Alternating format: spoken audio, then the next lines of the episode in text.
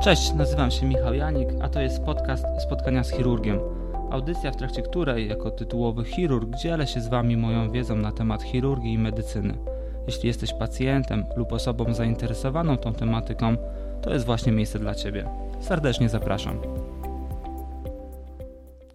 Dzisiaj mam przyjemność gościć w podcaście e, specjalnego gościa, Ludmiłę Podgórską, która jest dietetykiem bariatrycznym. Pracuje z pacjentami, którzy leczą się z powodu otyłości chirurgicznie już od wielu, wielu lat. E, Ludmiła, powiedz kilka słów o sobie, żeby przedstawić się naszym słuchaczom. To chyba będzie trudne. E, no, ja zaczęłam pracę z pacjentami bariatrycznymi już e, w 2011 roku. Zaczęłam wtedy współpracować z panem profesorem Paśnikiem. Od 2012 pracowałam w szpitalu na szaserów, co trwało też około 10 lat. No i od tamtej pory jest to moja pasja przede wszystkim. E, I zajmuję się i pacjentami, którzy się przygotowują do operacji, którzy się przygotowują do operacji bariatrycznych. I oczywiście, jak pracowałam w szpitalu, to wspólnie z resztą prowadziliśmy pacjentów powikłanych. E, tak jest, właśnie z Ludmiłą mieliśmy okazję pracować przez wiele lat w Wojskowym Instytucie Medycznym przy ulicy Szaserów w Warszawie. Natomiast e, dziś bardzo cieszę się na to spotkanie, ponieważ chciałbym poruszyć temat dotyczący roli dietetyka właśnie w procesie prowadzenia pacjenta, który ma być poddany operacji bariatrycznej.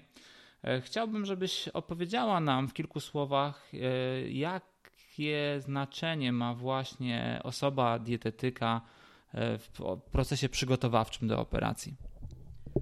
Mm, przede wszystkim dietetyk musi być e, wsparciem dla pacjenta, dlatego że e, no, raczej to się nie zdarza, żeby nasi pacjenci nie podejmowali wcześniej prób odchudzania i zwykle to były takie rozwiązania bardzo zero-jedynkowe. To znaczy z dnia na dzień zmieniali coś o 180 stopni, bo na przykład jechali sobie na wakacje odchudzające, gdzie stosowali post y, owocowo-warzywny, mieli bardzo duże jednostki treningowe, wracali do domu i powoli wracali do starych nawyków.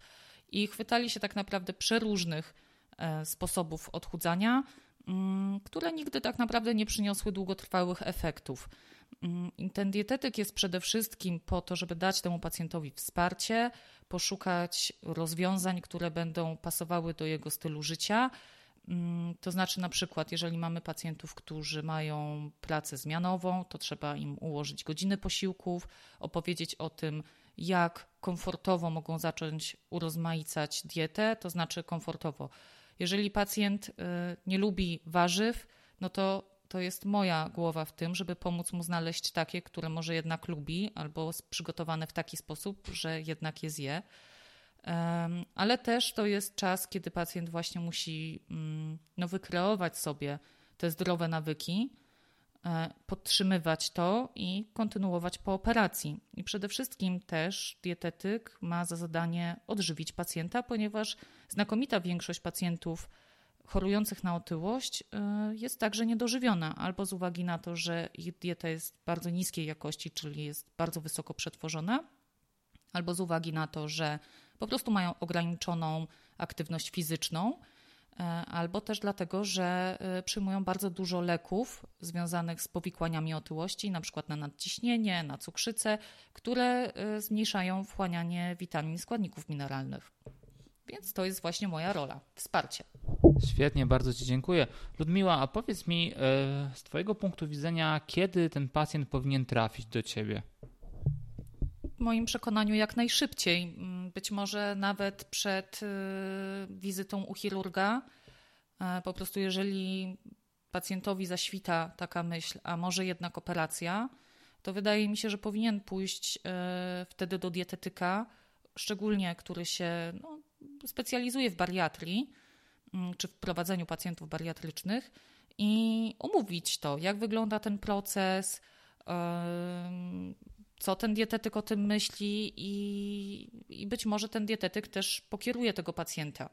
Natomiast na pewno, y, na pewno im wcześniej, tym lepiej, bo pamiętajmy o tym, że mm, no, sam doskonale wiesz, że takich chorób, które powodują otyłość, jest bardzo mało, e, a zwykle jednak e, to są takie czynniki środowiskowe. To, jak chory był wychowywany, jakie przejął nawyki od swoich rodziców, czyli on nie ma do zmiany ostatnich dwóch, pięciu czy sześciu lat, tylko zwykle takie nawyki od dzieciństwa. Czyli y, tą pracę tak trzeba zacząć naprawdę wykonywać bardzo wcześnie. Tak, tutaj się w 100% z Tobą zgadzam i zawsze też mówię to moim pacjentom, że w zasadzie przede wszystkim to środowisko, w którym żyją, ma niebagatelny wpływ na to, że doszło do wystąpienia otyłości. I w zasadzie ta współpraca z dietetykiem, ale ogólnie próby zmiany stylu życia powinny być rozpoczęte jak najwcześniej i nie należy koniecznie czekać, powiedzmy, do jakichś konkretnych decyzji dotyczących np. terminu operacji. A Ludmiła, chciałam Cię zapytać o taką następującą rzecz, dlatego że mówimy tutaj właśnie dietetyk, dietetyk bariatryczny. Czy mogłabyś słuchaczom też troszeczkę wyjaśnić, jaka jest różnica pomiędzy dietetykiem a dietetykiem bariatrycznym? Znaczy, my nie mamy w ogóle, yy, nie ma regulacji zawodu dietetyka. To się toczy od chyba 10 lat. Odkąd ja jeszcze, no to dłużej, bo to jeszcze ja studiowałam, jak były takie plany, żeby uregulować zawód i żebyśmy też, żeby każdy miał swoje yy, no, prawo wykonywania zawodu, natomiast i świadectwo tego, że jest w ogóle wykwalifikowany. Mm, natomiast nadal tego nie ma i przede wszystkim powstały różne studia, na przykład powstała dietetyka kliniczna, która niespecjalnie różni się od normalnej dietetyki. Natomiast no, dietetyk bariatryczny, no to dla mnie to jest osoba, która współpracuje już kilka lat z pacjentami bariatrycznymi. No i oczywiście bardzo by było y, dobrze, gdyby taka osoba też miała doświadczenie szpitalne, żeby y, no wiadomo było, że przeprowadziła przez ten proces no nie dwóch pacjentów czy trzech, no ale przynajmniej stu, tak sobie myślę. Oczywiście ja y, nie ukrywam, że no ja też się uczyłam i uczyłam się sama głównie z PubMedu, czyli z takiej mm, no, biblioteki, to nazwijmy, elektronicznej, która no, ma najlepsze naukowe publikacje i tam są wytyczne i tak dalej. Natomiast y, no dobrze by było, gdyby to była osoba z polecenia, najlepiej z polecenia lekarza, bo zwykle lekarze też współpracują ze swoimi dietetykami, a jeżeli nawet pacjentowi no, nie pasuje ta osoba, to po prostu zmienić, no bo to jest tak, że y, wydaje mi się, że trzeba czuć takie porozumienie, pacjent musi się czuć zrozumiany, musi się czuć wysłuchany, bo to, to jednak ten dietetyk jest dla pacjenta, a nie na odwrót. Tak, to jest też bardzo ważne, o czym wspomniałaś, właśnie, żeby móc znaleźć taką nić porozumienia z tą osobą, z którą się współpracuje. Ja ze swojej strony powiem tak, y, ja postrzegam dietetyka bariatrycznego właśnie jako taką osobę, która y, specjalizuje się we współpracy z określoną grupą pacjentów. Dokładnie tak jak to powiedziałaś. Y, tutaj analogia jest w zasadzie do chirurgów bariatrycznych, którzy też nie są jakąś grupą określoną w ustawie, dlatego że każdy chirurg w Polsce powinien mieć specjalizację w zasadzie z zakresu chirurgii ogólnej, a przynajmniej większość z nas. I właśnie osoby posiadające specjalizację z zakresu chirurgii ogólnej wykonują również procedury bariatryczne. Potocznie nazywa się ich chirurgami bariatrycznymi. Oczywiście e, nasze tutaj e, sekcje działające w ramach Towarzystwa Chirurgów Polskich e, poczyniły starania, żeby w jakiś sposób uregulować te kwestie i stworzono takie umiejętności, które określa się właśnie mianem umiejętności w zakresie chirurgii bariatrycznej, natomiast de facto nie jest to specjalizacja. Natomiast tak jakby to, co jest najbardziej istotne, to ja zachęcam zawsze Państwa, żebyście szukali osób, które siedzą w danym temacie, dlatego że te osoby mają jak największe doświadczenie i tak właśnie jak Ludmiła wspominała, w zasadzie większość z nas, wchodząc w jakąś określoną dziedzinę, tą wiedzę musi skądś pozyskać. E, ja również korzystałem z wielu bibliotek naukowych, gdzie starałem się posiłkować właśnie tymi publikacjami, danymi, żeby posiąść tą wiedzę. Również i e, wiele kursów trzeba było odbyć, żeby w jakiś sposób dojść do pewnego poziomu, który no, umożliwia to takie kompetentne prowadzenie pacjentów. Ludmiła, chciałbym jeszcze porozmawiać z Tobą i poprosić Cię, żebyś opowiedziała mi, jak wygląda taka pierwsza wizyta e, u pacjenta, który przychodzi, jest zainteresowany chirurgicznym leczeniem otyłości. E, opowiedz proszę w kilku słowach, na czym właśnie polega ta pierwsza wizyta u Ciebie. Pierwsza wizyta w zasadzie jest e, no, najważniejsza.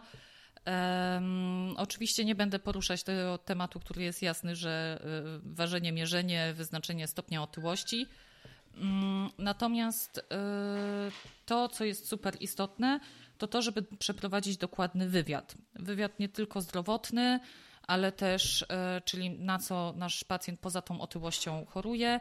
Mm, I tak naprawdę cała historia leczenia tego pacjenta, czyli od kiedy ma problemy z nadmierną masą ciała, mm, ile razy w życiu podejmował próby redukcji, jak długo one trwały, czy one były bardziej na własną rękę, czy one były bardziej e, pod czyjąś opieką, kto to był, jak długo otrzymywały się efekty, jak często dochodziło do ponownego przyrostu masy ciała. Mm, no bo nie wszyscy, e, nie wszyscy, którzy do nas przychodzą, mają tą swoją maksymalną masę w życiu. Mm, no i poznanie, takie dogłębne poznanie nawyków i to jest bardzo ważne, bo y, ja najbardziej lubię pracować z pacjentami na dzienniczkach. Oni to najmniej lubią.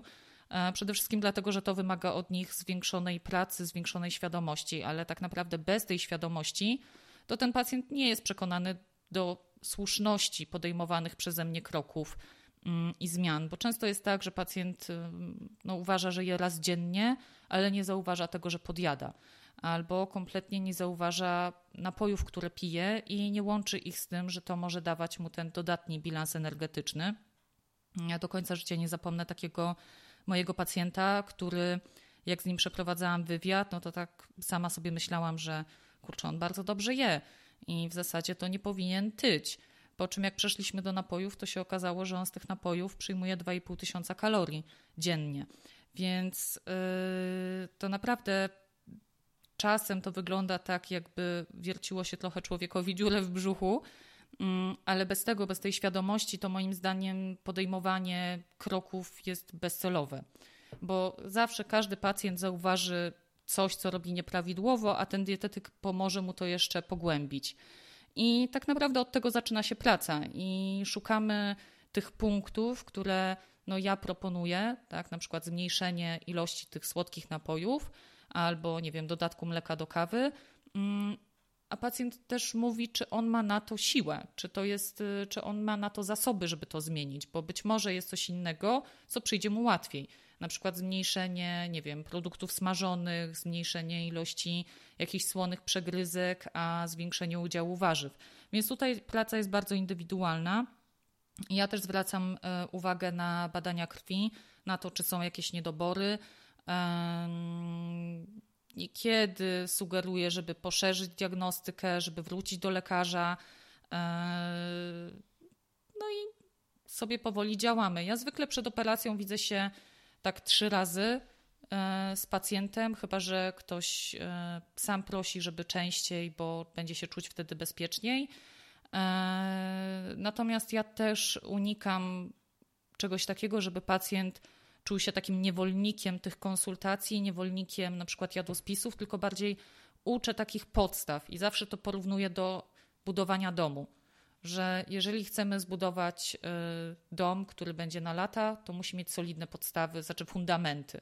I tak samo jest z pacjentami. Trzeba im solidne fundamenty takiego zdrowego stylu życia wybudować w tym okresie przedoperacyjnym, żeby później wiedzieli, do czego wrócić. Bo ten dietetyk po operacji też jest po to, żeby ściągać tego pacjenta na właściwe tory, jeżeli on sobie obierze jakąś ścieżkę poboczną. E, więc też głównie po operacji pracuję na, dzien na dzienniczkach, natomiast też uspokajam, że to jest na zasadzie spisania tygodnia, a nie to, że pacjent już musi pisać do końca życia. Co robi, co je, co pije, bo to też trochę nie o to chodzi. Świetnie, czyli krótko mówiąc, chcąc przygotować się na konsultację do ciebie, dobrze jest już założyć taki dzienniczek, mam rację? Tak, tak, tak, jak najbardziej. To jest y, taki punkt wyjścia i to jest już coś, y, z czym możemy pracować.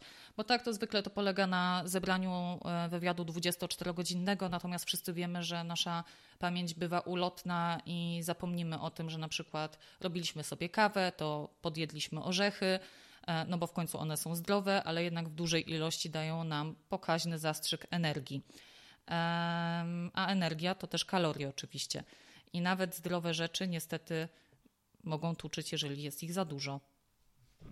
Słuchaj, a chciałbym Cię dopytać, ponieważ powiedziałaś już troszeczkę tutaj o znaczeniu diety po operacji bariatrycznej. Czy mogłabyś troszeczkę przybliżyć ten temat? Dlaczego ta dieta po operacji bariatrycznej jest tak istotna?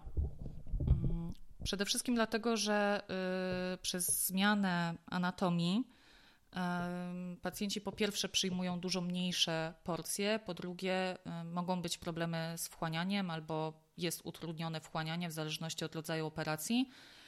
I tutaj no tutaj robi się troszkę trudno, ponieważ e, pierwszy miesiąc po operacji, znaczy większość pacjentów pyta, ile ja mam jeść kalorii, a ja mówiąc krótko, nie jestem w stanie odpowiedzieć na to pytanie, bo my nie mamy takich wytycznych. Mamy wytyczne dotyczące tego, ile pacjent powinien zjeść białka.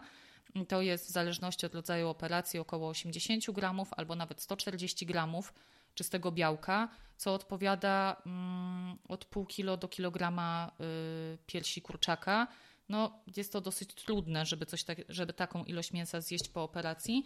Natomiast istotne jest to, żeby przekazać pacjentowi, jak on właśnie może budować tą dietę, żeby było zwyczajnie łatwiej i przyjemniej, ale też, żeby uniknąć nieprzyjemnych dolegliwości, bo szczególnie na początku, kiedy no, przewód pokarmowy się goi, E, i może być obrzęknięty, no to często się zdarzają właśnie, zdarza się takie uczucie przytykania, jeżeli pacjent niedokładnie przeżuwa e, albo, albo wręcz wymioty.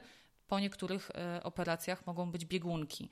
I tutaj też jest no, głowa dietetyka w tym, żeby nauczyć pacjenta jeść w taki sposób, żeby te dolegliwości nie występowały, jak im zaradzić, Natomiast no, oczywiście, jeżeli to jest coś, z czym się nie spotkaliśmy, albo jest to bardzo nietypowe, no to zawsze trzeba odesłać pacjenta do lekarza.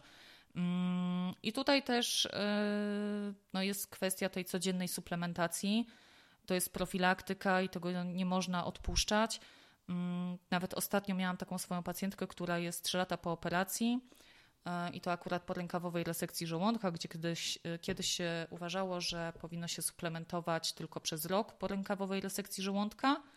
Natomiast ona e, suplementowała dwa lata, odstawiła suplementację i ma mnóstwo niedoborów.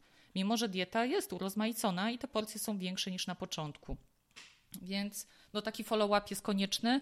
Natomiast tak jak e, powiedziałam, no, to jest dalsze prowadzenie pacjenta, utrzymywanie go na tych właściwych torach, w tych dobrych nawykach, e, zwracanie uwagi, uwagi na to, jak budować posiłki, bo to się zmienia znacznie po operacji, e, jak radzić sobie z suplementacją i jak unikać tych e, nieprzyjemnych dolegliwości. To jest właśnie bardzo ciekawe to, co powiedziałaś. To, że po rękawowej resekcji żołądka ta suplementacja też bywa konieczna i to nawet wiele lat po operacji. E, bo jak, podał, jak podałaś ten przykład pacjentki, która jest 3 lata po operacji i ma dużo niedoborów, no to świadczy jednak o tym, że ta operacja wymaga tego, żeby ta suplementacja była w zasadzie stała, zresztą tak też mówią zalecenia. Natomiast no niestety tutaj życie nam pokazuje, że wielu pacjentów gdzieś zapomina o tym z czasem. Słuchaj, a chciałem Cię zapytać, czy mogłabyś opowiedzieć nam o tym, jakie najczęściej błędy popełniają pacjenci po operacji, które właśnie doprowadzają do nawrotu problemu? No to tutaj jest cały wachlarz, bo to może być tak, że na przykład e, pacjent jednak nie przestawił się na to takie powolne, dokładne przeżuwanie i się przytyka, więc zaczyna sobie podjadać przez cały dzień. To jest dosyć częste. Jest też tak, że pacjenci nie czują głodu, mm, ale to też dlatego zwykle, że no, nie przygotowywali się zbyt dobrze, bo to jest bardzo ważny punkt, żeby zacząć zwracać uwagę na najmniejsze sygnały z ciała o głodzie. Czyli burczenie w brzuchu, coś, co można sobie zagłuszyć, na przykład wypijając kawą, e, kawę, przepraszam. I mm, bo to uczucie głodu po operacji tak naprawdę nie znika, tylko znika uczucie wilczego głodu. I chodzi o to, żeby pacjenci jedli regularnie, no ale jak pacjent nie czuje, że jest głodny, no to po prostu nie je.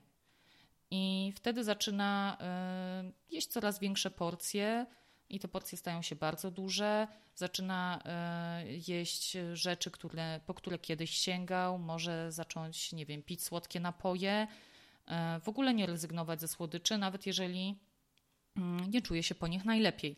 Natomiast zwykle jest to taki powolny powrót do starych nawyków, czyli do tego, co ten, co ten pacjent kiedyś wcześniej robił. Alkohol też jest, też często się pojawia alkohol w dużej ilości. Alkohol zaostrza nam apetyt, e, pojawia się podjadanie też. Natomiast chyba największym, największym problemem jest to, że pacjenci gdzieś właśnie nie dość, że nam znikają, e, znaczy przestają suplementować, znikają nam z follow-upu.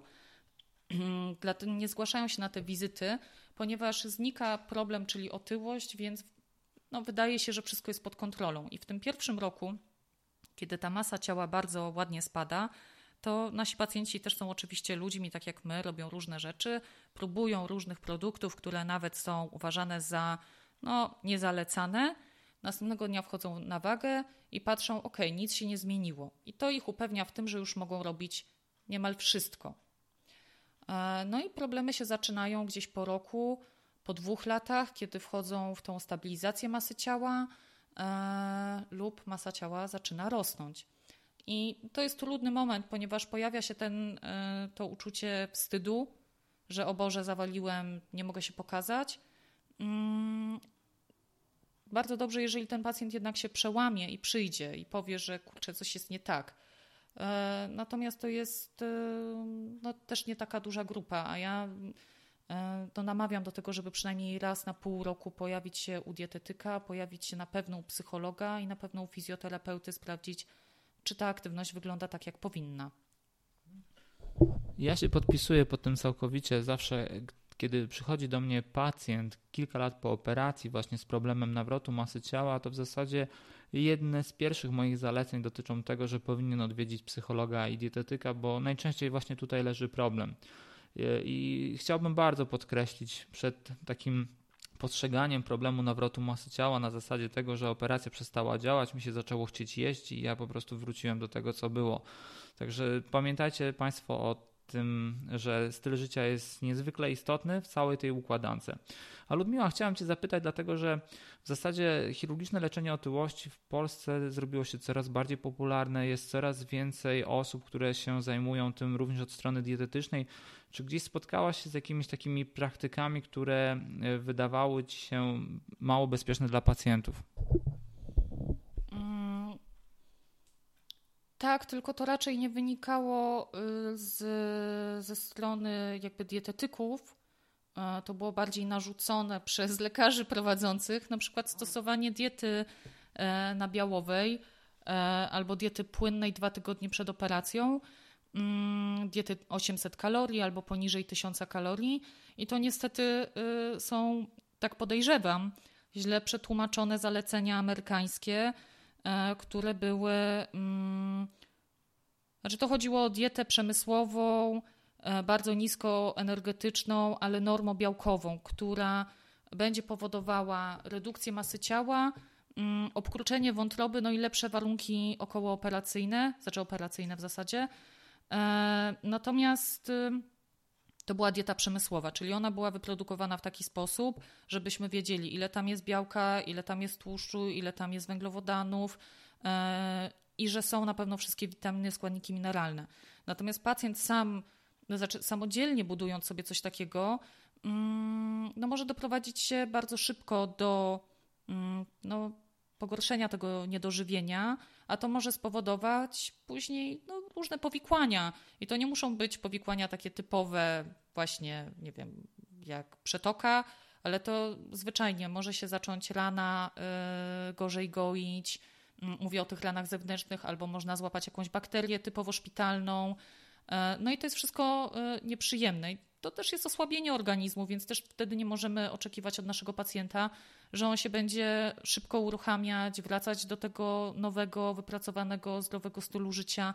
Mm, więc to jest chyba y, najgorsze, ale też się spotykam z tym, że na przykład pacjentom się mówi, że nie muszą nic suplementować, co nie jest prawdą, y, albo że mają konkretną ilość kalorii spożywać, bo mm, oczywiście możemy podbijać tą kaloryczność pacjentowi, tylko pytanie, jak to zrobić, E, nie powodując tych e, dodatkowych dolegliwości, czyli właśnie, nie wiem, pustego odbijania, e, wymiotów, albo nie wprowadzając po prostu zamieszania w te zdrowe nawyki, czyli w pięć posiłków dziennie.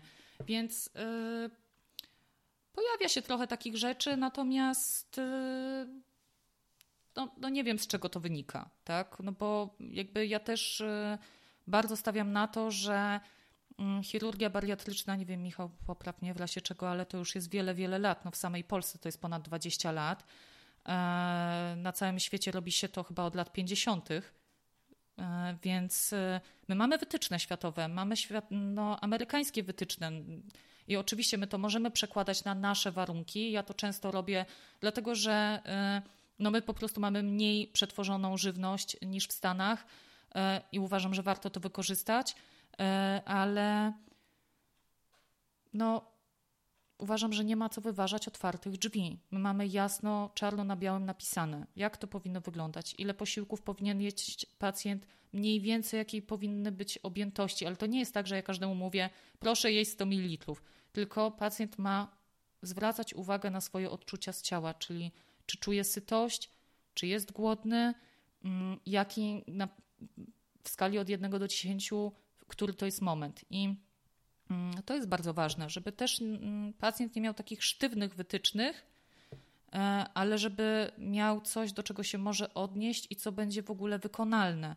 Ale też nie mówić pacjentowi, że teraz to można wszystko i można jeść na przykład dla głowy, bo to psycholog pracuje nad tym, żeby właśnie jeść dla ciała, a nie dla głowy, nie dla emocji, bo to jest największy problem chyba z naszymi pacjentami i to nie jest, e, znaczy może nie z pacjentami, to jest w ogóle u nas problem, że my czy się cieszymy, jak świętujemy, idziemy do knajpy. Jeżeli ktoś jest smutny, to idziemy na lody. Jeżeli no, mamy to wpojone od dzieciństwa. Właśnie chodzi o to, żeby to sobie troszkę odwracać, żeby na przykład zamiast iść na lody po zakończeniu roku z dziećmi, E, to lepiej pójść na spacer, spędzić aktywnie czas, porozmawiać, po prostu spędzić miło e, te chwile. Bardzo Ci dziękuję. Dla mnie szczególnie było ciekawe to, co powiedziałaś o tej diecie przemysłowej, bo w zasadzie, drodzy Państwo, no niedożywienie to jest taki stan, kiedy my pacjentów wolelibyśmy nie operować. A dlaczego? Dlatego, że to, tak jak Ludmiła powiedziała, znacznie zwiększa ryzyko powikłań i to niestety też takich powikłań, które są bardzo groźne, związane na przykład z nieprawidłowym gojeniem się zespoleń co może doprowadzić chociażby do nieszczelności, na przykład nieszczelności żołądka przy rękawowej resekcji żołądka lub nieszczelności zespoleń przy operacji wyłączenia żołądkowego na pętli. Także tutaj w zasadzie to, co ja dostrzegam, to na pewno jeden e, taki fakt, który możemy stwierdzić, że jeśli chcemy dobrze być zaopiekowani, no to powinniśmy trafić w zasadzie pod opiekę specjalisty, który zajmuje się danym tematem. E, Ludmiła, powoli będziemy kończyć. Chciałbym Ci bardzo podziękować za tą rozmowę. Chciałbym zapytać Cię jeszcze, czy na koniec e, masz coś w zasadzie, co mogłabyś polecić naszym pacjentom, zwłaszcza tym, którzy osiągnęli rewelacyjne efekty, żeby mogli utrzymać te efekty jak najdłużej? No tylko i wyłącznie styl życia, ten zdrowy styl życia, podtrzymywanie. E, znaczy tak, na pewno Podstawą e, piramidy e, zdrowego stylu życia po operacji bariatrycznej jest to, żeby codziennie suplementować, żeby pić przynajmniej 2 litry płynów dziennie i to najlepiej tych e, bezkalorycznych, czyli wody, naparów z herbaty, może być kawa, ale czarna raczej, żeby być aktywnym na co dzień i żeby przede wszystkim podstawą diety były źródła białka. Później sięgamy po warzywa, i owoce, później pozbożowe, a na samym końcu to okazjonalnie y, można oczywiście zjeść coś takiego uważanego za niewskazane przy utrzymywaniu e, masy ciała i tego efektu. Natomiast pamiętajmy, że jesteśmy ludźmi i że y, nie można przesadzać ani w jedną, ani w drugą stronę. I y, trzeba się cieszyć tym, co się osiągnęło, ale na pewno zgłaszać się jeżeli to jest wiele lat od operacji, to przynajmniej raz do roku do swojego chirurga prowadzącego, e, do psychologa, do dietetyka i, i na pewno też do fizjoterapeuty. Świetnie. Ludmiła, bardzo Ci dziękuję. Mam nadzieję, że w przyszłości jeszcze będziemy mieli okazję porozmawiać. Państwu również, Państwu również dziękuję za uwagę.